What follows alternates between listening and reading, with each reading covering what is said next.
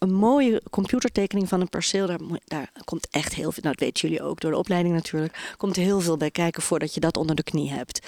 Terwijl die tekenstijl die ik hanteer, dat kun je zo leren. Dit is Voedsel uit het Bos met de Voedselboscast.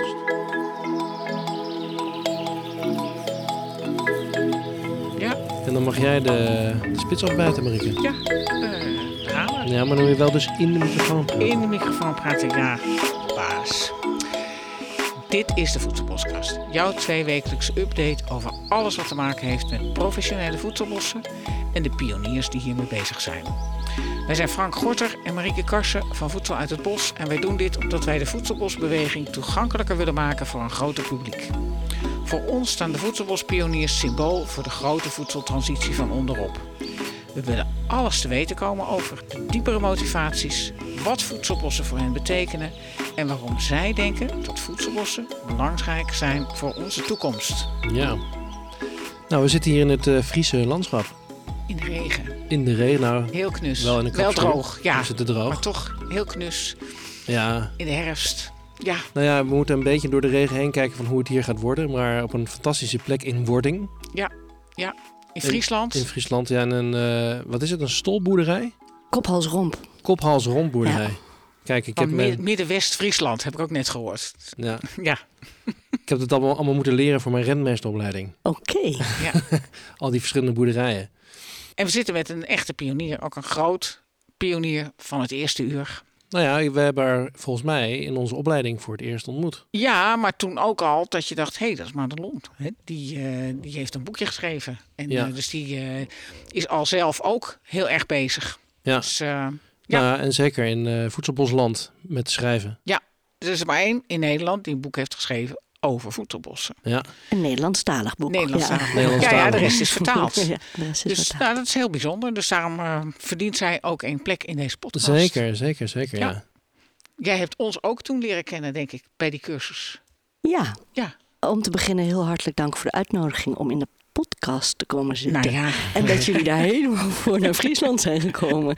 Enig, bij mij in Ja. de kapschuur. ja, ja, Ja. in het prachtige huis in Wording. Ja. Want jij gaat hier gewoon eh, ook jouw, jouw echte foodplace maken. ja, wij gaan hier wonen. Ja. Ja. Het is nog niet af, maar binnenkort wel. Het wordt heel erg mooi. En toen wij elkaar leerden kennen, wij denken nu, we hadden even het in de auto erover, 2018. Ja, het zou kunnen. Ja. Ja, dat was 2018. Ja. Want dat was de tweede jaar dat we met alle landgoederen op pad gingen. En waren was we nog op die drie Ja. Eh, locaties. eh, Huis de Maren, volgens mij. Grootstal en Ketelbroek. Ketelbroek. Ja. Ja. ja.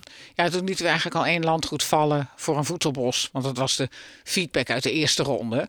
Van ja, we willen meer voedselbossen zien. Ja, inderdaad. In, eh, ja, dus toen Ja. hebben we één landgoed laten vallen voor een drie keer per jaar langs een voedselbos. Daarvoor zaten we nog Ja. in het Goslink, helemaal in het oosten. Ja. Bij, eh, Ja. Nou, wat gebeurt er dan veel in een eh, eigenlijk beperkt aantal jaren? Ongelooflijk. Ja, want Ja. ik ging de permacultuurcursus doen bij Linda van den Herik en Taco Blom in 2014. Ja. Eh, mijn tuin in Amsterdam was toen al helemaal eetbaar. Eh, en iemand attendeerde mij op die permacultuurcursus. En het was dus a- voor mij alsof alle puzzelstukjes in elkaar eh, vielen. Ja. En ik leerde in die cursus nog een heleboel, nog meer daarover. En de opdracht van de opleiding werd meteen de eerste les eh, door Linda verteld. Eh, we ontwerpen een landgoed. En ik dacht, nou, 50, een landgoed. eh, ik weet niet of dat nog gaat lukken.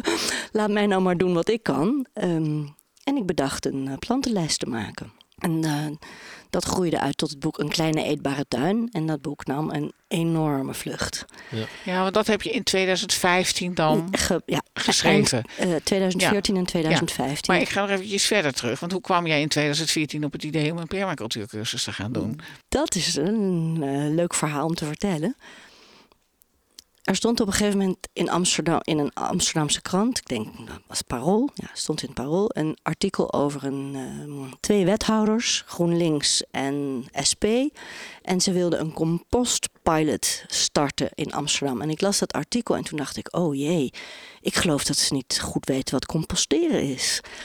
En heb ik hen uitgenodigd om mijn, in dat hele kleine tuintje van 30 vierkante meter, om die drie compostsystemen te komen bekijken die daar draaiden. En toen zeiden ze, ja nee, die, die compostpilot, dat moet misschien inderdaad anders. En toen hebben zij beloofd dat ze op politiek gebied zouden gaan doen om eh, nou ja, wat, in, wat in hun, ehm, binnen hun mogelijkheden lag. En ik heb aangeboden dat ik dat op mijn manier zou doen. En dat resulteerde in een jaar lang gratis compostcursussen aan mijn keukentafel. Dus jij voor was wie toen maar wilde. al- jij was Ja, toen ik, was bij- toen aan het lesgeven in compost. Soms kwamen er tien mensen, soms twee. De enige toe- toegangsprijs was een paar koekjes. Dus mijn zoons hebben daar intens van genoten. Want er waren altijd, waren altijd koekjes in Maar, huis. maar wacht even, wacht even. Want eh, dan ben ik toch ook wel weer benieuwd. Waar komt dat dan weer Ja, vandaan? Want, het- waar Ja. is bij jou begonnen? Ja. ja, want wa- waarom, waarom ga je composteren? Oh ja, dat doe ik al mijn hele leven. Dat heb ik thuis geleerd. Oh. Mijn, mijn moeder composteert en je hergebruik. En, en, en dat normaal. resulteerde in dat jij voor Amsterdam mensen ging leren om te composteren. Ja, ik, dacht, ik, ik dacht, eh, laat ik maar vertellen hoe het werkt. En dat het ook in een heel klein tuintje kan, kan en dat het niet stinkt. En op een gegeven moment eh, was er een eh, buurthuis en van, van ergens in Meer en Vaart. Van Marokkaanse en Turkse vrouwen. En die hadden problemen met de buurt vanwege de composthoop die daar draaide. Want dat vonden mensen vies en dan gooiden ze vieze dingen in. En hoe ze dat dan konden oplossen. Dus ik op mijn fiets naar Meer en Vaart om in een ochtend daarover te praten en hen op ideeën te brengen. Dus was ik al een beetje eh, vanuit de binnenstad van Amsterdam op composttour. Ehm, en daar kwam ik een vrouw tegen die tegen mij zei: is, is permacultuur niet iets voor jou? En ik zei: Wat zeg je? Daarmee al aangeven dat ik die, dat hele woord nog nooit gehoord had. Nee. Oh, dat is je op het lijf geschreven. Kijk maar op internet. Eh, ik heb de cursus net afgerond en het heeft mijn leven veranderd. En wie zij is, was, dat weet ik niet meer. Want we waren gewoon toevallig samen in het buurthuis in de Meer en Vaart. Maar zij heeft jouw leven veranderd. En dezelfde middag keek ik, ja, dezelfde middag keek ik op internet en schreef ik mij voor die eh, opleiding in. ja, moest er natuurlijk wel heel even over nadenken. Want het was een jaaropleiding en eh, dan negen weekenden. Eh, De zaterdag van 9 tot 9 en de zondag van 9 tot 5. Dat was best pittig, Ja. maar ook wel heel erg leuk. En ik heb ontzettend veel geleerd. En omdat ik een achtergrond heb van eh modeacademie en kunstacademie, kan ik, heb ik leren tekenen. En de medecursisten vonden mijn tekeningen zo leuk. Dus ik tekende ook andermans tuintjes, hielp ik de tussenliggende weekenden om die uit te tekenen. En toen dacht ik, ik moet er eigenlijk mee naar een uitgever. Het is ook eh, een kleine eetbare tuin. Dat is niet het eerste boek dat uitgegeven werd van mijn hand. Want ik heb eh, in de jaren negentig drie keer een hobbyboek gepubliceerd voor een hobbyboekuitgeverij. Dat was toen Kantenkleer, bestaat niet meer. Maar ik kende het, het proces van een boek maken en de teksten aanleveren en dat zelf dezelfde illu- illu- illustraties maken. Dat traject kende ik. En ik denk dat daarom mijn uitgever heeft gezegd: eh, eh, begin maar. En wanneer kan het klaar zijn? Ja, mooi. ja. Dus dat Ja. was boek 1. En het kwam uit met, eh, wat ik net al zei, kerst 2015. Twee dagen voor kerst, geloof ik. En ehm, ik vind het ook heel leuk om te vertellen dat het al wel een negende druk heeft gekregen. Het bestaat nog steeds, nog steeds in de steeds- krijgen. ja, ja, ja, Wordt ja. steeds, en we stellen nog bij. Dus ik loop iedere keer die websites allemaal na. En ehm, nou ja, kleine fouten eruit. Of nog iets wat iemand heeft gezegd. eh, eh, dat wil ik liever anders. Of wat ik dat ver- vertelde ik laatst aan je. Eén tekening is bijgesteld. Die tuin is gewoon helemaal anders geworden. Dus dat is de tekening bijgesteld. Nou ja, dat is, dat is heel erg leuk. Hoe zag jouw tuin eruit in Amsterdam? Vierkant met aan drie kanten muren. En één moerbeiboom erin. En verder alles klimplanten. En een heel klein zitje. Beetje, beetje Secret Garden was het eigenlijk. Ja. Beetje hortus conclusus. Maar eigenlijk klein, een klein tuintje. Heel klein tuintje. Heel klein tuintje. Zes bij vijf. En ja. Ja. dan zeg ik gelijk, hoe, hoe heb je het daar uitgehouden? Ja, dat vraag ik me nu ook af. Ja. ja, Ja, dat vraag ik me nu ook af. Ja. ik heb echt op een gegeven moment mijn huis uitgezocht op die duizend vierkante Ja. meter tuin. Omdat Ja. ja, je wil op een gegeven moment groter buiten spelen. En, en, hoe, En meer. en ja. meer, ja. En dat moet jij natuurlijk ook al heel lang hebben gehad. Want je, je Ja. bent. Je, eh, je hebt dit huis nu in Friesland, vertelde je net, in coronajaar 2020 gekocht. Ja, Dus je hebt nog tot 2020 volgehouden in dat hele kleine. in dat hele kleine tuintje. Ja, nou, Maar- dat tuintje was ook inderdaad te klein. En ik tuinier al heel veel jaren mee met een, eh, een vriendin die een tuin heeft aan de rand van Amsterdam. Dus 250 vierkante meter. En twee jaar nadat een kleine eetbare tuin was uitgekomen, kwam ik Taco Blom tegen op het Permacultuurfestival. In, toen nog in België. En hij zei: Kunnen we het even over je volgende boek hebben? En ik zei, nou, ik ben net bijgekomen van het eerste boek. Waar denk je aan? En hij zei, er moet een boek komen met uh, voedselbossen als onderwerp. En jij moet het schrijven. Waarop ik zei, maar Taco, ik ben niet de expert van het voedselbos. Dat weet jij ook. Dus dat kan ik niet zonder dat je me helpt. En toen zei ik help je. Uh, we gaan samen, buigen we over ons, ons over een paar projecten die ik er graag in wil hebben. En uh, je kent de materie, dus... Uh, en je hebt een uitgever. En toen heb ik me opgegeven, dit ook gemaild natuurlijk aan, uh, aan Voedsel uit het Bos. Ja. Toen heb je opgegeven voor deze ja, cursus. Ja, opgegeven voor de cursus, want ik, ik kreeg meteen een antwoord van uh, Wouter van Eck. Ja, je mag me interviewen, ik help je en kom maar langs. Maar ik dacht elke keer brainpicken en uh, dan voor ieder wisselwasje of een klein detail toch moeten bellen. Dat lijkt me voor hem niet fijn. Het lijkt me voor mijzelf ook helemaal niet werkbaar. En wat gebeurt er als ik nou gewoon in die cursus ga zitten en van tevoren zeg: ik ben een boek aan het schrijven? En dan Komt alles bij elkaar. Komt alles bij elkaar. En dan ja. heb ik niet het idee dat ik aan het brainpicken ben. Dan betaal ik gewoon voor de, voor de opleiding.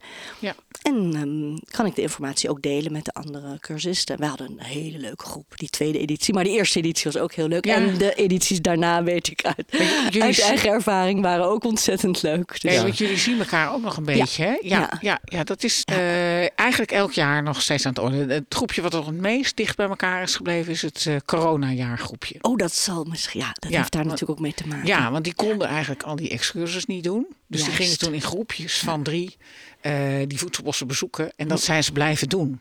Dus Ja. dat is eigenlijk een hele leuke groep uh, gebleven. Daar ben ik ook nog wel eens mee meegegaan uh, op, op excursie. Maar die hebben dat er heel erg in, in hun routine gekregen. Wij moeten op excursie naar voedselbossen. En dat, nou dat kan ik ook tegen iedereen zeggen. Als je geïnteresseerd bent in voedselbossen, bezoek zoveel mogelijk voedselbossen. Ga kijken. Ja. En dat ben jij natuurlijk aan de hand van je boekje eigenlijk gewoon gaan doen. Ja. Want je hebt in. Maar ik, ik had wel ook aan het begin het idee. hm, Toen ik met het boek ging, uh, aan de slag ging, dacht ik: het is natuurlijk wel te gek als je erover gaat schrijven. En je hebt niet eens een voedselbos. Ja. En ik was al heel veel langer, wat je net ook al een beetje aangaf, uh, op zoek naar ergens een perceel. En dat heb ik gevonden aan het IJsselmeer. Uh, ik heb er een bod op gedaan dat, um, waar de makelaar om ging lachen.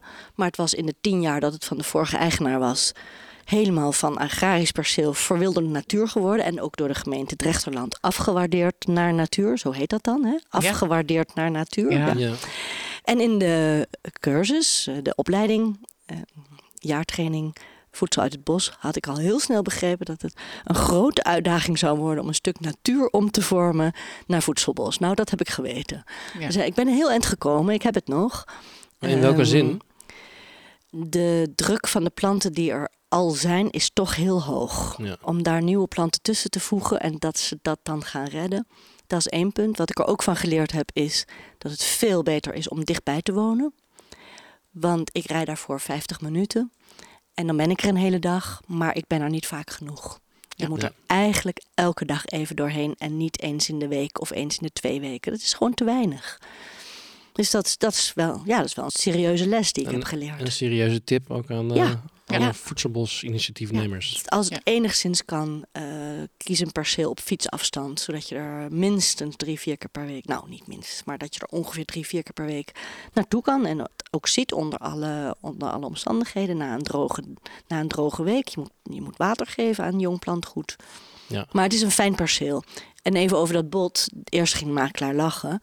En eh, na, drie maanden later, vier maanden later, kreeg ik een telefoontje of ik mijn paspoort wilde opsturen. Toen zei ik, is het bod dan geaccepteerd? Dus toen had ik het eigenlijk vrij onverwacht aan mijn fiets hangen. Was ik al heel druk met die opleiding en met het schrijven van het boek. En ben ik daar dus in het perceel begonnen. Ja. Tegelijkertijd. Ja. En wat Ja. doe je daar nu in het voedselbos? Wat doe je ermee? Rondleidingen, Ja. onder andere. Eh, afspraken met mensen, eh, kijken hoe alles gaat. Maar nu met de droogte bijvoorbeeld ben ik vier bomen kwijtgeraakt. Vier jonge bomen die er al voor het derde jaar stonden.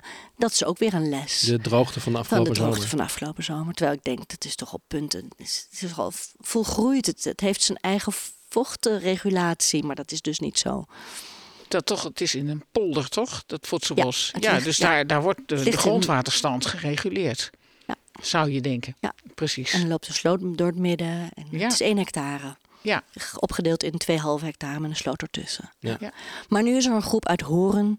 En eh, die zijn heel erg voedselbos-minded. En eh, Die gaan jou helpen. die, komen mij, die zijn mij al een jaar aan het helpen. Ja, dat Ja, is heel geweldig. leuk. Heel leuk. De hulptroepen. En zo zie je dus ook dat voedselbossen, want jij hebt er natuurlijk nu een heleboel bezocht, maar eh, ja, ook heel sociaal kunnen zijn. Ja, Ja, dat vind ik er zo leuk aan. ja, Ja. ja. Ja, en het, het bijzondere is dat, eh, nou, ja, nu zijn we hier neergestreken en krijg ik uit de buurt ook al telefoontjes. We zijn een wandelgroep, eh, we doen walk and talk. Mogen we langs wandelen bij jou? Ja, komt u maar. Dan staan er weer 15 mensen op het perceel.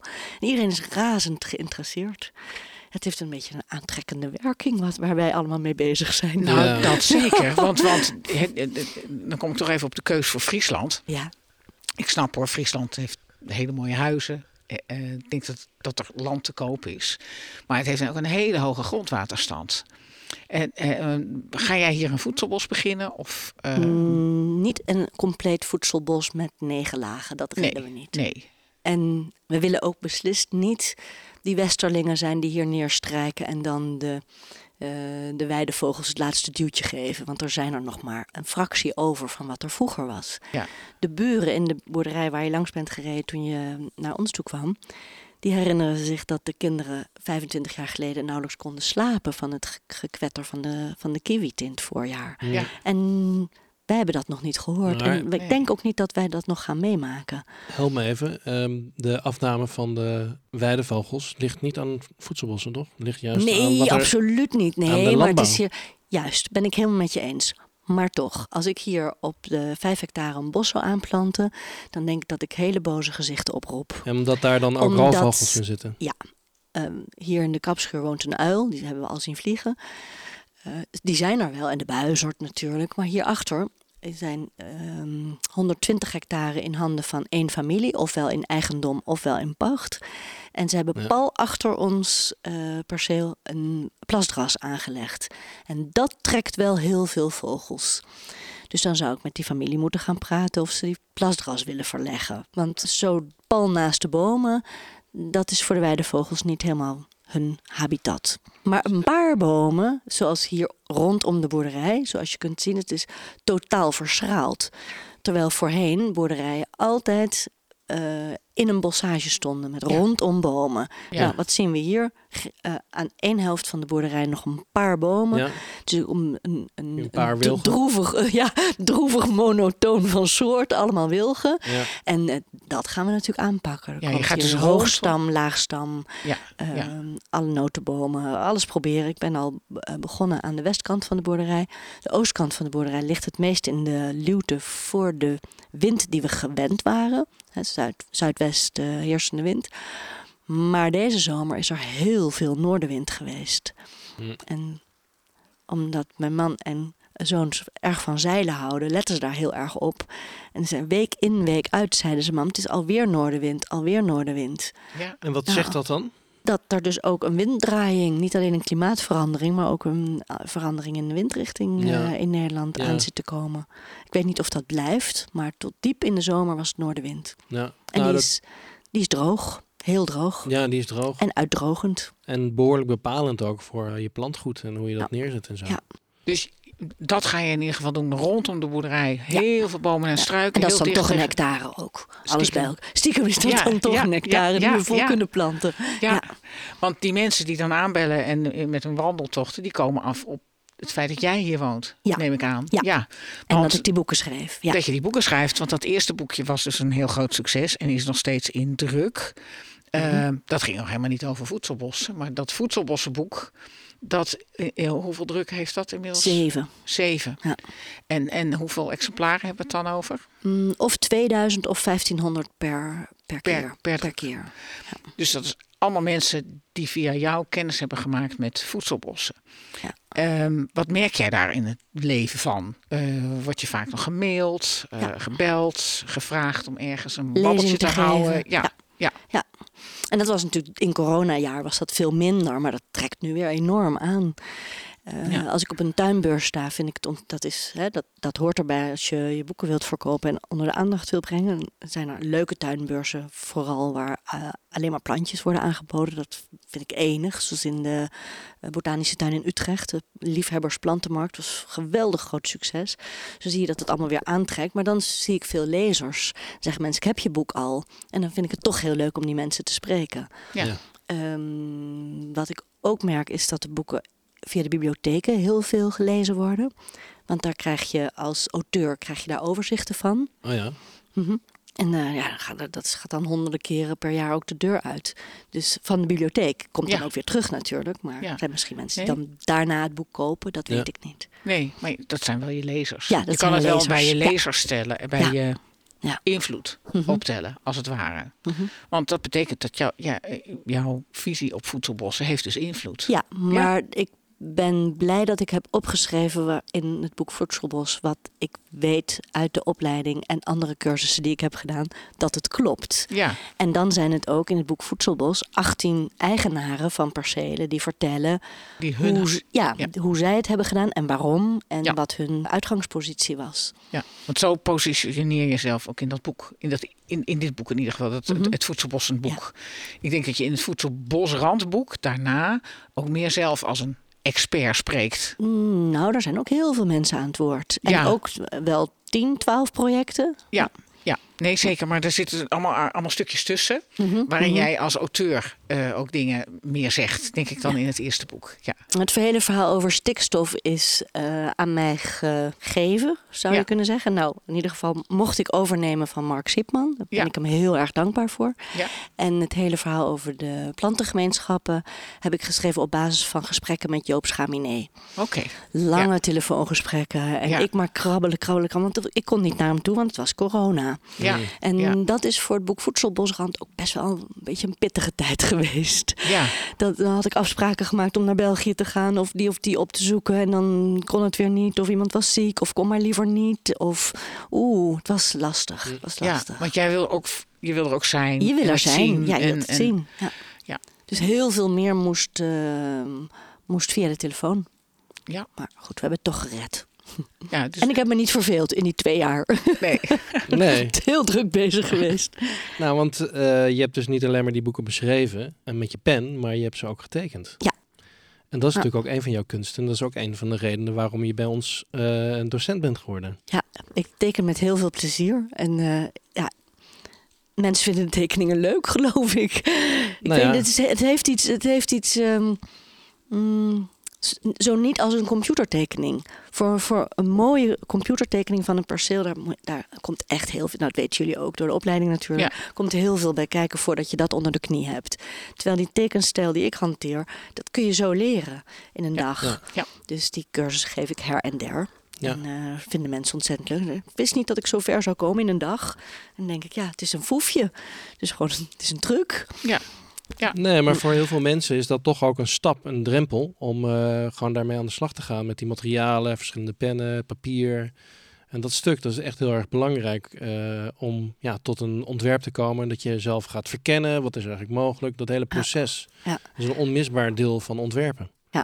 Ik zou ook niet weten hoe je een perceel kunt gaan indelen als je het niet eerst tekent. Nee. Er zijn mensen die het doen. Die zeggen ik doe op intuïtie en ik ken mijn perceel zo goed. En als ik, als ik hem met een bepaalde boom eh thuis kom die ik bij een kweker heb gekocht, dan voel ik op intuïtie waar die moet staan. Ja. Dat vind ik heel mooi.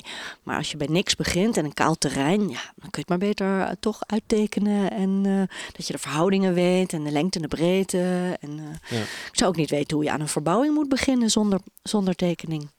Want hoe moet je het overbrengen op anderen? Daar gaat Daar- het toch daar over bij een over. tekening. Dat je, het is een communicatiemiddel. Ja, Het gaat over eh, communicatie, maar het gaat ook over eh, een visie opbouwen. Hè? Van hoe ga ik eh, wat doen en waarom doe ik het? En, ja, dus dat is een Ja. soort van intuïtief stuk wat je met, eh, als je er mee- mee aan de slag gaat met de tekening, wat je dan ontwikkelt. Ja. Want waarom moet die boom op die plek komen? Ja, dat is niet iets wat je dan gewoon even rondloopt op het land en denkt van nou, ik weet precies waar alles moet. Nee. En, proces. en, en net zoals voor een, eh, voor een gebouw, als het op tekening klopt, dan klopt het in het echt vaak ook. Ja. Het is geen wet, maar nee. wel vaak Ja. merk je, juist misschien omdat je een tekening hebt gemaakt, heb je er zelf meer inlevingsvermogen over. En kun je je iets meer voorstelling maken hoe het dan uiteindelijk zal gaan zijn. Dan kun je op tekening nog heel makkelijk veranderen. En dan wordt het resultaat feitelijk beter. Ja. Ja. ja. Maar uh, eigenlijk rolde je er een beetje in via de permacultuur. Ja. Op een gegeven moment zei Taco, schrijft dat boek Voedselbossen. Ja, ja. Uh, maar is voor jou voedselbossen het landbouwsysteem wat je het meest interessant vindt? Of het tuinbouwsysteem wat je het meest interessant Of zeg je van nou, ik vind allerlei andere permacultuurlandschappen net zo interessant? Wat is jouw visie op, op de rol van voedselbossen in, in het Nederlandse landschap en of de Nederlandse landbouw? Je hebt er een heleboel bezocht. Ja mensen moeten daar een beetje geduld over hebben. Dat, ze dat we kunnen gaan aantonen wat het voedselbos kan betekenen. Ja. Want als je het nu zo makkelijk zegt van ja, het, het voedselbos is de alternatieve en de redding van onze landbouw. En uh, dat stuit op ongeloof. Ik heb heel erg het gevoel dat het bewezen moet worden. Nou, daar zijn we met z'n allen heel hard mee bezig. Maar wat er ook mee samenhangt, en dat wordt toch wel vaak vergeten, is ook een hele andere manier van eten. Ja. ja. En uh, dat vertel ik altijd in lezingen. En daarmee zet je dan mensen echt aan denken. Van waar ja. halen we onze, de bouwstoffen van ons lichaam vandaan? Um, nou ja, voor mij was uh, een van de allergrootste verrassingen het eikeltjesmeelbrood dat Wobby Langelaar me serveerde toen ik daar op bezoek kwam. Ja. Uh, zo ontzettend lekker. Ja. En ja, zegt het wel, het is uh, even veel werk, maar je, dan heb je ook echt heel lekker brood van dat meel gebakken. Ja. Ik wist niet dat het kon. En, toevallig uh, sprak ik gisteren ontdekking. Vincent. Die heeft dat ook. Vincent Boogaard. Ja, die ja. maakt nu ook brood van eikeltjesmeel. Ja, fantastisch. Ik geloof heel erg in de eikel. Ik, zeg, ik, zeg, het maar even. Maar ik denk dat, dat uh, zeker nu er ook, ook, ook tannine-armere soorten aankomen. Eikels groeien echt overal. Ja. Ja. Ook op dit soort grond, op alle grond, op droge grond, natte grond. Nou, we hebben een droge zomer gehad en de, de oogst is echt ja. meer dan ooit. Ja. ja. En hoe, hoe gek kan het dan lopen, hè? Dat eikels worden gevoerd of werden gevoerd aan varkens. En de eerste aardappels die naar Europa kwamen, uh, die waren, werden ook door de mensen beschouwd als uh, varkensvoer. Ja. Terwijl wij nu allemaal toch uh, ruimschoots aardappels eten. Aardappels eten, ja. ja. Nee, maar al die dingen die dierenvoer zijn, kunnen wij ook prima eten. We kunnen ook mais eten. Geen gras, dat wel. Maar uh, heel veel andere dingen kunnen wij natuurlijk prima. Dus je, je, hebt helemaal gelijk. Anders eten, dat is een heel lang traject. Waarbij in eerste instantie er allerlei dingen gemaakt worden die dan lijken op het eten van vroeger. He, de vleesvervanger ja, gaat dan vlees. Ja, ja. dat, dat, ja. Zelf ga je er doorheen en op een gegeven moment ben je er klaar mee. En dan ga je gewoon anders eten. Dus ik denk dat die dingen best helpen om, om een nieuwe groep ook uh, die, dat pad op te krijgen. Ja. Maar nog interessanter wordt het als we natuurlijk op een echt nieuwe manier gaan eten.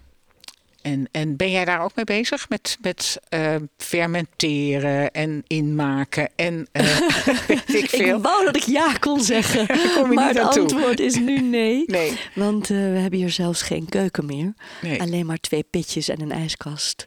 En, maar dat is wel, daar, daar, wordt de boerderij helemaal op ingericht. Juist. Ja. Je wil dat ja, wel meer gaan doen. Met ja. een voorraadkamer voor alle glazen potten. En, ja, ja, ja. En er is een boer die hier op, het, uh, op één hectare van, uh, van onze percelen werkt. Op de manier van permacultuur. En dan hebben we eens in de zoveel maanden krijgen we leenkoeien. Die staan hier uh, korte tijd. Die zijn van een boer die zelf geen land heeft. Of althans niet voldoende land voor de zijn 17 koeien. Dus die 17 koeien die verhuizen van perceel naar perceel. Ik ben daar ontzettend blij mee. Want uh, het weiland was uh, platgetrapt. En door al die koeienvlaaien is er al veel meer leven opgekomen. Je ziet het gewoon gebeuren. Ja. Je ziet het uh, met eigen ogen. Ja. Dat, dat is het Ja. grote avontuur hier. Ja. Dus ik heb de stad nadrukkelijk achter me gelaten. Ja. Ja. Maar goed, je anticipeert dus wel eigenlijk op die verandering ook. Ja. Dus eh, aan de ene kant zeg je, ja, ik, eh, eh, voedselbossen moeten zich bewijzen. Maar eh, als ik jou beluister, dan anticipeer je eigenlijk wel op die verandering die, er, die er mogelijk gaat plaatsvinden in dat landschap. Ja, net zoals het voedselbos in Noord-Holland. Ik wilde het altijd, ik, ik wil het, wilde het altijd heel graag laten zien. Van dit is er mogelijk. Ja. En ik ga hier niet eh, de omliggende eh, agrariërs allemaal vertellen hoe zij het moeten doen. Ik ga alleen maar het hier doen op de manier waarvan ik denk dat het die kant op moet. Ja. En daarmee denk ik dat alles gezegd is daarover. Dat ik voldoende inspiratie eh, aanbreng en dat ik niemand afval. Nee. Dat, je kunt hier niet tegen zo'n grote boer als hierachter zeggen: je doet het verkeerd. Dat zou toch niet. Dat is, ja, dat is zo de hele stikstofdiscussie en de hele. Nou ja, ja, nee. mm, Het staat nu allemaal een beetje op scherp. Ja, staat nu allemaal zo ontzettend op scherp. Maar hoe denk je dat onze houding verandert ten opzichte van dat landschap? Ja, als we tien jaar verder zijn of twintig jaar. Ja, Dus we hebben nu echt zo'n transitiemoment, systemische verandering. Dingen moeten echt fundamenteel anders. Ja, het is heel eh, grappig om te horen van iemand die hier komt en zegt: er stonden hier nooit bomen. En mijn antwoord is dan: nee, dit was zee. Heel Ja. Nederland is zo ontzettend veranderd. Dus Ja. je kunt dat zoiets, ja, Ja. in- inderdaad, er stonden hier geen bomen. Nee, dit was, eh, dit was zeewater. Dus Er zit toch een periode tussen. hè? zit- nou ja, eh, misschien was het wel. eh, er is al zoveel ingedamd. In de, in de Noordoostpolder begint het nu heel mooi te worden. Omdat, er, omdat die bomen allemaal op hoogte zijn. Mhm. Begint nu een aangenaam landschap te worden met die Ja. coulissen. Dat waren Toch? allemaal bomen En van dat- dezelfde leeftijd. Hè, Ja, worden nu ja, bomen van verschillende Vallen er leeftijd. tussenuit. Ja. En eh, ja, gaat heel erg de goede kant op. Wordt prachtig. Ja. Daar zeg je ook van, er stonden hier nooit bomen. Nee, Ja. inderdaad. Ja. Nee, maar dat is in dit specifieke pand. Eh, we hebben er net even doorheen gelopen. Liet jij zien, dus het zijn balken uit 16 zoveel. Ja. Dus dit pand bestaat al, deze plek als woonplek bestaat natuurlijk al toch een paar eeuwen. Ja. En waarschijnlijk heeft er in een eerder stadium van die paar eeuwen natuurlijk wel bomen gestaan. ja, als ik daar die bosrand zo zie, dan denk ik van wel. Ja, Ja. ja.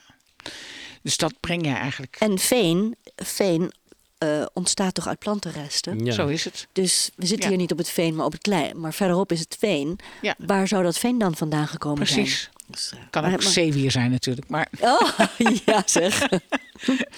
Ja. Nee, maar goed, het zijn plantenresten. Dus tussen die zee en, en, en nu eh, hebben er een, eh, toch een paar duizend jaar gezeten. En ehm, eh, kan ook dit landschap allerlei vormen hebben Ja. gehad. Ja. Ja, Nou, sterker nog. We weten ook dat het in het verleden allemaal bos is geweest. Ja. Voor een heel groot gedeelte. Ja. Eh, ook Ja. soms moerasbos, maar Ja, het ja. blijft een bos. En hier een paar dorpjes verderop is Burgum. En dat ligt echt al in de Friese wouden.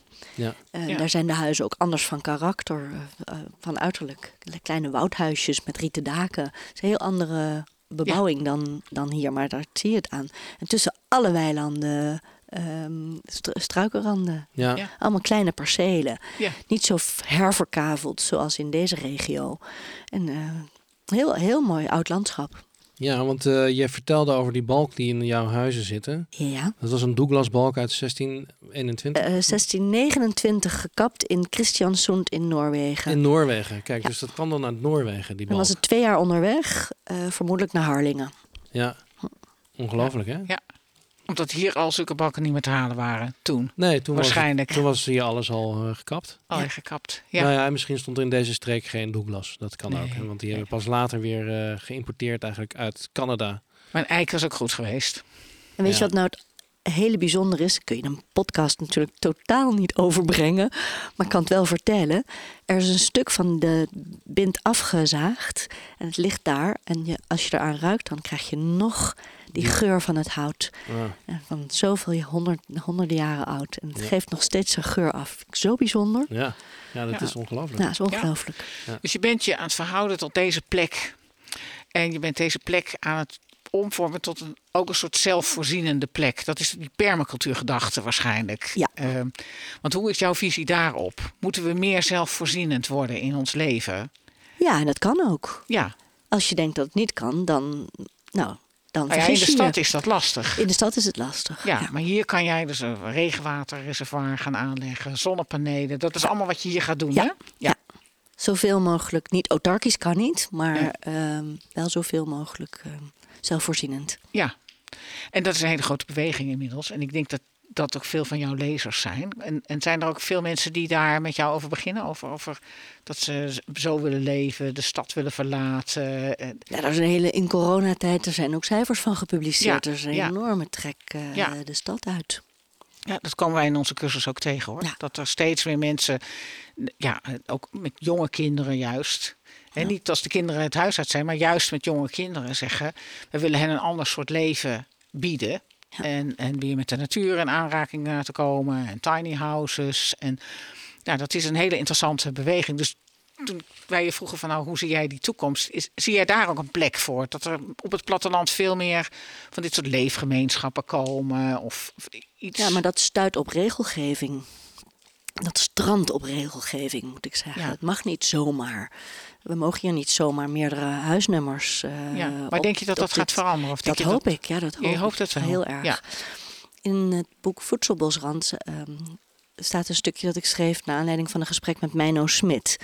Meino Smit heeft gezegd: um, er moeten niet minder boeren gaan boeren in Nederland. Er moeten veel meer boeren. Ja, nou, ja. dat, dat is mijn grote droom. Ja. Dat er weer kleinere percelen worden, uh, intensiever bebouwd met diversere beplanting. Dat is echt een, uh, een onderdeel van mijn wensdromen. Ja. Een heel belangrijk Ja, onderdeel. ja. Is er al een volgend boek in de maak? Ja. Ah, mogen we daar al iets over weten? Nee. Nee. nee een heel klein, een heel klein uh, tipje van de sluier. Het, um, het wordt een boek van verhalen van iemand die al 25 jaar bezig is met eetbare planten in Nederland. En hij heeft zo ontzettend veel te vertellen Ja. dat Mm. uh, ik dat met heel veel liefde en plezier ga opschrijven. Oh, leuk. Ja. Persoonlijk verhaal. Ja. Ja. Nou, ik, ik, eh, wat dat betreft, uh, je bent natuurlijk naar heel veel plekken geweest. Heel veel voedselbossen heb je gezien. Heb Ja. jij een, uh, een plek... Een favoriet? Een favoriet, ja. Ja. ik heb een uh, favoriet die in geen boek van mij voorkomt. Maar ik vind het heel erg bijzonder dat ik dat heb ontdekt. Dat is een mevrouw op Texel. Haar man heeft ooit een verpieterd en verwaarloosd complex van uh, volkstuintjes gekocht, omdat de gemeente het wilde afstoten. En hij zei: Dat lijkt me nou zo enig voor jou, voor zijn vrouw, om te gaan toneren. Helemaal gek van, uh, van planten. En zij heeft dat perceel al meer dan 25 jaar. Het is overigens niet diegene waar het boek over gaat. Um, en het is een voedselbos, maar ze wist niet dat het een voedselbos was. Oké. Okay. Het is de tuin van Loes Timmer. Ze stelt hem wel eens open. En ze heeft alle bomen van van het volkstuinencomplex... dat waren natuurlijk al moorbijboom, perenboom... Uh, heeft ze allemaal laten staan. En daartussen alles aangeplant wat eetbaar is. Maar ja, ik ben er laatst geweest en ze zei... ik wist niet hoor dat het een naam had. Ik wist niet dat het een voedselbos was. Nou, dat vond ik een hele bijzondere ontdekking. Ik zei, nou Loes, het is een, je hebt een echt voedselbos. Want je Ja. hebt alle lagen tot en met een vijver... en waterplanten, eetbare waterplanten... en een heel klein huisje. Ze komt er bijna elke dag. Ik vond het een ontdekking. Ja. En misschien zijn er wel meer zulke soort percelen. Evelien Derks heeft mij ook verteld over iemand... die hield altijd stil dat hij woonde in een kas op een perceel waar ook alles eetbaar was. En de mensen die het is onlangs verkocht, een jaar of twee, drie geleden. Ja, ja, daar, maar, en maar- de mensen die het nu hebben, die wist, wisten dat ook niet. nee, nee, dat, Ja, daar eh, heel bijzonder verhaal. Martijn Aalbrecht nu eh, excursies naartoe. Die, Oh, eh, fantastisch. Ja? Het is hier ergens in Friesland, weet Ja, ik ja, toevallig. het is in Friesland. Ja. ja. Ja. En, maar de- dus deze tuin is de volgende ontdekking. Ja. Ja, en is dat is, volgende. jouw favoriete plek. Juist als Nou, dat was de favoriete plek van afgelopen zomer. Ja, ja, Met dat ja. ontzettend mooie weer. Een hele enthousiaste eh, dame. En echt enig. Ja. Ik vind alle projecten mooi. Omdat er zoveel liefde in gestopt wordt. En zoveel toewijding. Hmm. En het zo, allemaal zo hoopgevend. Dat zeg je mooi. Ja. Dat, dat is ook zo. Ik denk dat, dat, dat het ook interessant is aan voedselbossen. Dat het allemaal heel individueel anders wordt. Terwijl er toch diezelfde noten en dingen op een gegeven moment staan. eh, maakt iedereen er toch heel erg zijn eigen plek van. Net als een goede eh, tuiniers. Hè. Er is geen tuinier die op dezelfde manier tuiniert. Ze zijn het allemaal met elkaar oneens. Het levert allemaal prachtige tuinen op. Ja. En dat zie ik bij voedselbossen nu in een andere vorm eigenlijk ook gebeuren. Dat, dat er gaat een soort symbiose uit van de mens met zijn tuin of met zijn land of met zijn bos. En dat wordt een nieuw geheel. Ja. Ja. Zo heb ik de voorbeelden in mijn boeken nooit beschreven met het idee dat iemand dat na zou doen. Nee. Totaal niet. Het, eh het kopieerkrijtje zit niet in de, in de doos, zeg maar. Nee. Het is, maar het is ter inspiratie en ter lering en ter... Oh, zo heeft die het gedaan. Dat, en dan Ja. maak je waarschijnlijk iets wat een combinatie is van... Misschien nog wel, ik, wat dat betreft zou ik nog, nog een dergelijk boek willen schrijven... met al die projecten die ik nu nog niet heb beschreven. Want ik heb het idee dat er werkelijk iedere week een nieuw project bij komt. Ja. Of-. En ik hoor van projecten, oh, daar ook al. Oh, enig, hier in Gautum, in Oude Ziel. Eh, Ja. eh, nou, zou je kunnen zeggen als paddenstoelen, maar zo, zo is het nog niet. Maar Nou, ehm, wel ja. een beetje, toch? Als je het vergelijkt met het landbouwareaal is het klein inderdaad. Ja. Maar ja, de hoeveelheid voedselbossen die nu per jaar ontstaan, dat groeit gewoon. En dus Ja. ze groeien eigenlijk wel als paddenstoelen. ja. Maar dus je had het net over die hoop. En dat, dat vind ik zelf ook wel echt een... eh, is dat voor jou het belangrijkste eigenlijk van de beweging, van de voedselbosbeweging? is voor mij persoonlijk heel belangrijk. Ja. Ja. dat ik niet verzand in somberheid en negativiteit en eh, wat er allemaal gebeurt in de wereld. En dat sommige mensen ook de boodschap echt niet begrijpen en weer in de rij gaan staan op Schiphol. Ik kan me er niks bij voorstellen. Dat je het nou nog niet doorhebt. Maar Wat zou je aan die mensen willen vertellen? ga eens nadenken. De bomen groeien niet tot in de hemel. Het is roofbouw. Het is roofbouw op de toekomst. Make a difference. Ja, start een voedselbos. Start een voedselbos. Verbeter de wereld. Begin in je eigen achtertuin. Ja. Ja, of in, eh, zelfs al is het in Amsterdam. Hè? je kleine achtertuintje. Ja, Ja. ja. zeker. Ik heb een vraag die ik wel vaker stel aan mensen. En dat is een beetje een persoonlijke vraag. Ja. Maar ik vind hem wel leuk omdat eh, ja, het nodigt uit om even bij stil te staan. Bij je eigen persoonlijke ambitie, zou ik maar zeggen. Maar ehm, jij bent hier dus eigenlijk ook een pionier in, net zoals wij in. Maar hoe zou jij herinnerd willen worden? Ai. Als ik dood ben, bedoel je? Ja, Als ik er niet meer ben. Ja, wat geef je door aan volgende generaties? Ik hoop dat ze, dat toekomstige eh, generaties nog steeds denken van, oh ja, toen kwam dat leuke boek uit en daar heb ik zoveel aan gehad. En dan krijg je zo'n hele clichématige, wie schrijft die blijft, soort van. Oh, ja. Ja. ja. Ja, Ja. Maar die boeken zijn natuurlijk niet voor de eeuwigheid, dat begrijp ik ook wel. Nee, Ja. ik kan deze vraag niet beantwoorden. Nee? Te moeilijk. Ik vond het eigenlijk wel een mooi antwoord. Ja, oh, oké. ja. Ja. Nee, want het schrijven Ja. doe je natuurlijk wel voor een reden ook. Ja. En want je bent Ja. een schrijver, dat schrijf je ook op je website. Er zit altijd een boek in. Er zit altijd een boek in. Ja. als, met, bijvoorbeeld met de voorbereiding voor dit gesprek met jullie. Kan ik wel gaan zitten nadenken. Wat zou er allemaal leuk zijn om te vertellen. Maar ik pak dan een pen en ik ga schrijven. Ja. Zo, Ja. ik, kan, ik kan het niet op een andere manier voorbereiden. Nee, je bent ook niet Eh. iemand die nou gaat vloggen of een video-channel start of een. Hm, Denk het niet. Nee, Denk het niet. nee. Nee. nee want dat, dat, dat, hè, dat, dat doen veel schrijvers dan. Dan krijg je zo'n follow-up in allerlei andere media. Maar dat heb ik jou tot nu toe nog niet zien doen. Nee. Dus ik denk dat is. Je bent toch echt inderdaad een schrijver. En, en, en, en, iets wat je vast kan houden. Ja. Wat een Schrijver en misschien lekker naar een boekje ruikt. Ja, schrijver en misschien ehm, wel de organisator van weer nieuwe initiatieven. Wat dan hier zou kunnen gaan plaatsvinden. Maar ik ga niet nu voor de klas staan en zeggen: Dit is het verhaal wat ik te vertellen heb. Ik hou het graag, zoals ik het ook in de boeken heb gedaan, ehm, de verhalen van anderen vertellen. Hoe doen die het? Ja. Hoe doen zij het? De een heeft die mening, de ander heeft die mening. Er is niet een, in mijn beleving althans, niet een eensluidend verhaal. Zo moet het. Het bestaat niet, het kan nee, niet. nee, nee, dat, Nee. dat geloof ik net al aanstipte. Nee, Ieder nee, perceel ja, is anders. ja, Ieder ja. mens is anders. Ieder eh, wensenpakket is anders. Iemand die een moestuin heeft en nooit aardappelen eet, moet er geen aardappelen in zetten. Ja, zo simpel is het. Ja. En dat is met bomen ook. Ik heb zelf niet heel veel met zaaigoed en zaadjes om dat op te kweken. Dat lukt me gewoon niet goed. Ik, dat, dat ging vroeger al mis toen ik kind was. En, eh, Oh. Dus ik koop de planten. Maar Ja. een ander zegt, oh, dat opkweken. En dan zo met, en dan zo, eh, met zo'n bakje. En dan met zo'n watergeefsysteempje of een kastje. Ja. Dus het zou, er zijn mensen die hier zeggen, oh, heb je eindelijk ruimte voor een kas? Dan denk ik, Hm. een kas? Ik, ik weet niet of die er komt. Wat moet ik met een kas? Ja, nee, ik mis mijn kast nu al. Ja, oh, ja, zie ja, je? ja, ja, ja, ja. Ik ben Oh, echt zo'n ja, opkweker. Ik vind ze ook altijd echt superleuk. heel erg mooi om te zien, kassen. Ja, Ja, prachtig. Nou, we zitten op eh, drie kwartier alweer. En het is eh, behoorlijk gaan eh, regenen ook hier. dus, ja, dus we hebben allemaal tik-tak-tok op de achtergrond. we hebben neem een ik aan. beetje, eh, een beetje Ja. ruis op de Geen achtergrond. vogelgefluit. En Noortje, Nee. Noortje ligt heerlijk daar in de stro. Met haar eh, bruine vachtje bijna niet te zien. Ja, enig. Maar heb jij nog een, eh, heb jij nog een vraag? Ehm, ik heb denk ik mijn vragen wel een beetje gesteld. Want ik, ja, ik wilde gewoon inderdaad jou verhouding tussen wie je bent en je plek en je, en je rol als schrijver. Nou, daar hebben we het heel uitvoerig over gehad. En eh, waardoor ik ook meer kijk heb gekregen op, op, op je, je drijfveer. Zeg maar, om eh, het, hoe, jij van hier deze figuur geworden bent.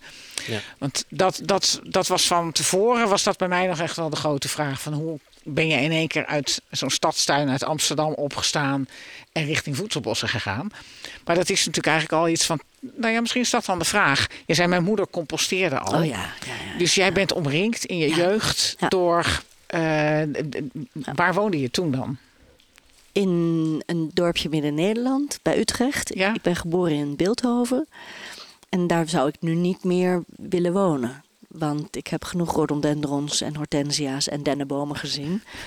Ehm, en ze, ze mopperen in Beeldhoven ook altijd dat het zandgrond is. En dat het grondwater zo ontzettend laag is weggezakt. Mhm. En dat het allemaal zo, dat de tuinen allemaal verzuren en zo. Maar jouw Ja. moeder had hortensia's en Nee, nee, nee, nee, nee. nee. Maar die staan daar. hè, in Ja, de- ja, ik weet in de het. meeste mooie dorpen. Ja. Baren, Wassenaar, Beeldhoven, eh, Haren, Noord-Holland, Noord, eh, bij Groningen. Daar staan dat soort bomen. En Ja. die geven niet heel veel terug aan de, aan de bodem. Nee, Nee. En zijn daarmee in, in mijn scala in ieder geval vallen ze af. Ja. Ja. Ik kan er niet zoveel mee. Nou, ik denk dat rhododendron een ernstig eh, onderschatte plaag is. Maar goed, het, Ja. eh, hè, mensen denken dat dat een prima ding is. Maar het is een, eh, in Engeland al een drama. Er gebeurt niks rondom een rhododendron. Helemaal niks. Helemaal niks. Nee, nee. Maar goed, dus je je bent vanuit je jeugd toch opgegroeid Met- in een familie Ja. Die tuinierde, Ja. waar, waar een buitenleven was, waar een composthoop Herge- was. hergebruik, ja. Ja, Voorzichtig met je materialen. Wees zuinig op wat je hebt. en Dat, dat, zijn heb de basiswaarden die mij heel nadrukkelijk zijn meegegeven. Ja. Ja. Heb je die ook weer doorgegeven aan jouw kinderen? Ik hoop het. Zij, zij zullen waarschijnlijk zeggen van wel. Ja. Mijn oudste zoon zet nu een ehm, programma op voor eh, wat valt onder het Watersportverbond eh, om eh, water op te ruimen. Want hij zegt we komen als zeilers her en der en overal is het vervuild. Dus eh, organiseert hij dan in Canada weer iets om het op te ruimen. En dan komen ze met acht vuilniszakken vol met Hm. plastic van een eilandje af. Ja. En de Canadezen zeggen van, goh, waar heb je dat gevonden? Ja, dat lag op dat mooie eilandje. Dus dat even met de Nederlandse zeilers opgeruimd. Daar word ik, heel- ben ik heel trots. Ben ik Ja. echt heel blij dat hij dat eh, heeft meegekregen van thuis. Ja. Ja. Ja. Daar is overigens nog veel meer over te vertellen. Maar misschien niet voor de podcast. Over. Ik vind het wel heel leuk om het aan jullie te vertellen. Nou, we zeilden, eh, toen de jongens jonger waren, zeilden we naar Scandinavië. Zweden, Finland, eh, Denemarken. En zagen we dat de mensen daar veel meer opruimen dan hier. Hm. En dat er ook bij een supermarkt een innamepunt was voor aluminium blikjes. En op een gegeven moment zei mijn man: Wat rammelt daar toch in die bakskist? Dat is zo'n ruimte achter in de boot waar je eh, rommel in gooit. We hadden hem namelijk niet verteld dat wij ook blikjes aan het inzamelen waren. En soms waren die best wel verroest en moesten die jongens hem uit de berm gewoon een beetje omhoog bikken. Maar al die aluminium blikjes hebben ze inge- ingeleverd bij de verschillende supermarkten waar dan zo'n Tomra-machine stond. En eh, hadden ze aan het eind van de vakantie een aardig vakantiegeld zakcentje. Ik denk 30 euro of zoiets. Dan kwamen we thuis en zeiden ze: Mama, kunnen we in Amsterdam niet zo'n systeem opzetten? Gewoon zo, we kopen zo'n Tomra-machine en eh, achter de voordeur. En dan kunnen mensen dat daar inleveren. En dan krijg je zo'n bonnetje en dan krijg je geld. Nou, dat was natuurlijk allemaal niet haalbaar. Maar ze zijn wel een, eh, klein bedrijf begonnen toen ze, denk 12 en 14 waren, begin van de middelbare school. Dat heette Recycling op rolletjes. En dat ging als een speer. Voor iedereen kranten ophalen, wegbrengen. Een soort heitje van karweitje, maar dan iedere week. Ja. Glas, batterijen. Dus we hebben het de jongens wel meegegeven. Ja, Ja, dat, eh, zo mooi. klinkt het wel, ja. Ja. Nou, ik, eh, Had jij nog een vraag? nou, ik had, was nog wel nieuwsgierig. Je hebt die hele reis met die voedselbossen eh, meegemaakt. Waar heb jij het nou het meest van geleerd? Want je bent een schrijver en voedselbossen kwamen op jouw weg. Is er iets waar jij ja, gewoon echt van zegt, nou, daar heb ik, daar heb ik echt veel, veel aan gehad? Nou, in ieder geval ben ik tot de conclusie gekomen dat je elke dag weer bijleert. Ja, dat het nooit, het is nooit afgerond. Je weet nooit alles. En er is ook zoiets dat mensen zeggen: oh, dat die plant bij die plant, dat gaat helemaal niet. Maar planten zijn hele eigenwijze dingen. Ja. Dus bij iemand anders kan het wel, Wel werken. wel werken. Ja. Ja. En wat ik geleerd heb, dat is dat hele, ja, dat, dat is heel holistisch. Dat is dat alles met alles samenhangt en dat je, mm, er is geen weg meer terug. Als je het één keer gezien hebt, Ja. dan kun je niet meer terug. Je kunt niet meer zeggen van, oh nee, nou, mm, ik heb dat eh, leuke cursus gedaan en nu ga ik weer verder met mijn leven. Je Mhm. draagt het bij je en dat zullen jullie ook merken met de, de mensen die jullie nu aan het opleiden zijn. En steeds weer een nieuwe groep. Ja. Het gaat niet meer van ze af. Soms, soms het. heb je het gevoel dat ze er lang zijn en dat ze het nog niet helemaal pakken, als het ware. Maar je ziet ook mensen, daar gaan de lampjes aan en de, de lage pellen af. Er gebeurt ontzettend veel mee. En ik vind het altijd heel mooi om te zien hoe, hoe, eh, eh, hoe ze in één keer begrijpen. En want het gaat vaak om het veranderen van je leven hè, in zo'n cursus. Ze gaan hem doen omdat ze ergens een vage droom voelen of een vage wens voelen om hun leven te veranderen. Ja. En ehm, in die cursus krijgen ze de skills en de eh, collega's, als het ware. Want het gaat in een groepje. Dat groepje gaat dat doen. En doordat je niet meer alleen bent. Want heel veel mensen komen er in die cursus en dan voelen ze zich best alleen. En dan ben je niet meer alleen. Anderen doen het ook. En dan gaat het makkelijker. En Ja. dat vind ik vaak het wonder van zo'n cursusjaar. Dat eh, mensen ook echt veranderen. En, En met maar- elkaar optrekken Ja. daarin. Ja, Ja. heel Ja. leuk, heel bijzonder. Nou, dat heb jij natuurlijk ook meegemaakt. Op je reizen en eh, met je lezers. Dat je dat Ja. ziet of die verhalen hoort. Ja. Ja, een mooie verwoording daarvoor vind ik je omarmt eigenlijk die onzekerheid. Hè, dus je kan niet alles weten. Hè, In een holistisch systeem gaat het niet over iets eh, specifiek weten. Gaat het over ja, eigenlijk meer een soort intuïtief gevoel van ja, alles hangt met elkaar samen en dat is zo. Maar daarom moet ik er niet over gaan nadenken. Want als ik over ga nadenken, dan denk ik altijd weer iets op in een klein stukje. En dus is het omarmen van de onzekerheid. Dat Ja. er gewoon een groter geheel is wat er is. En ja, daarmee moet je het doen. En dat het toch eigenlijk altijd wel weer op een En- bepaalde manier goed komt. Ja. Hè? En dat er geen, geen wet is van mede en persen.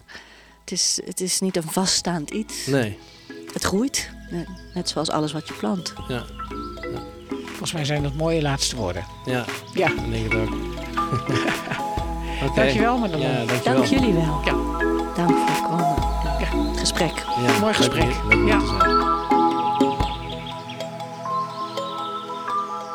De Voedselboscast is een concept van Marieke Karsen en Frank Gorter.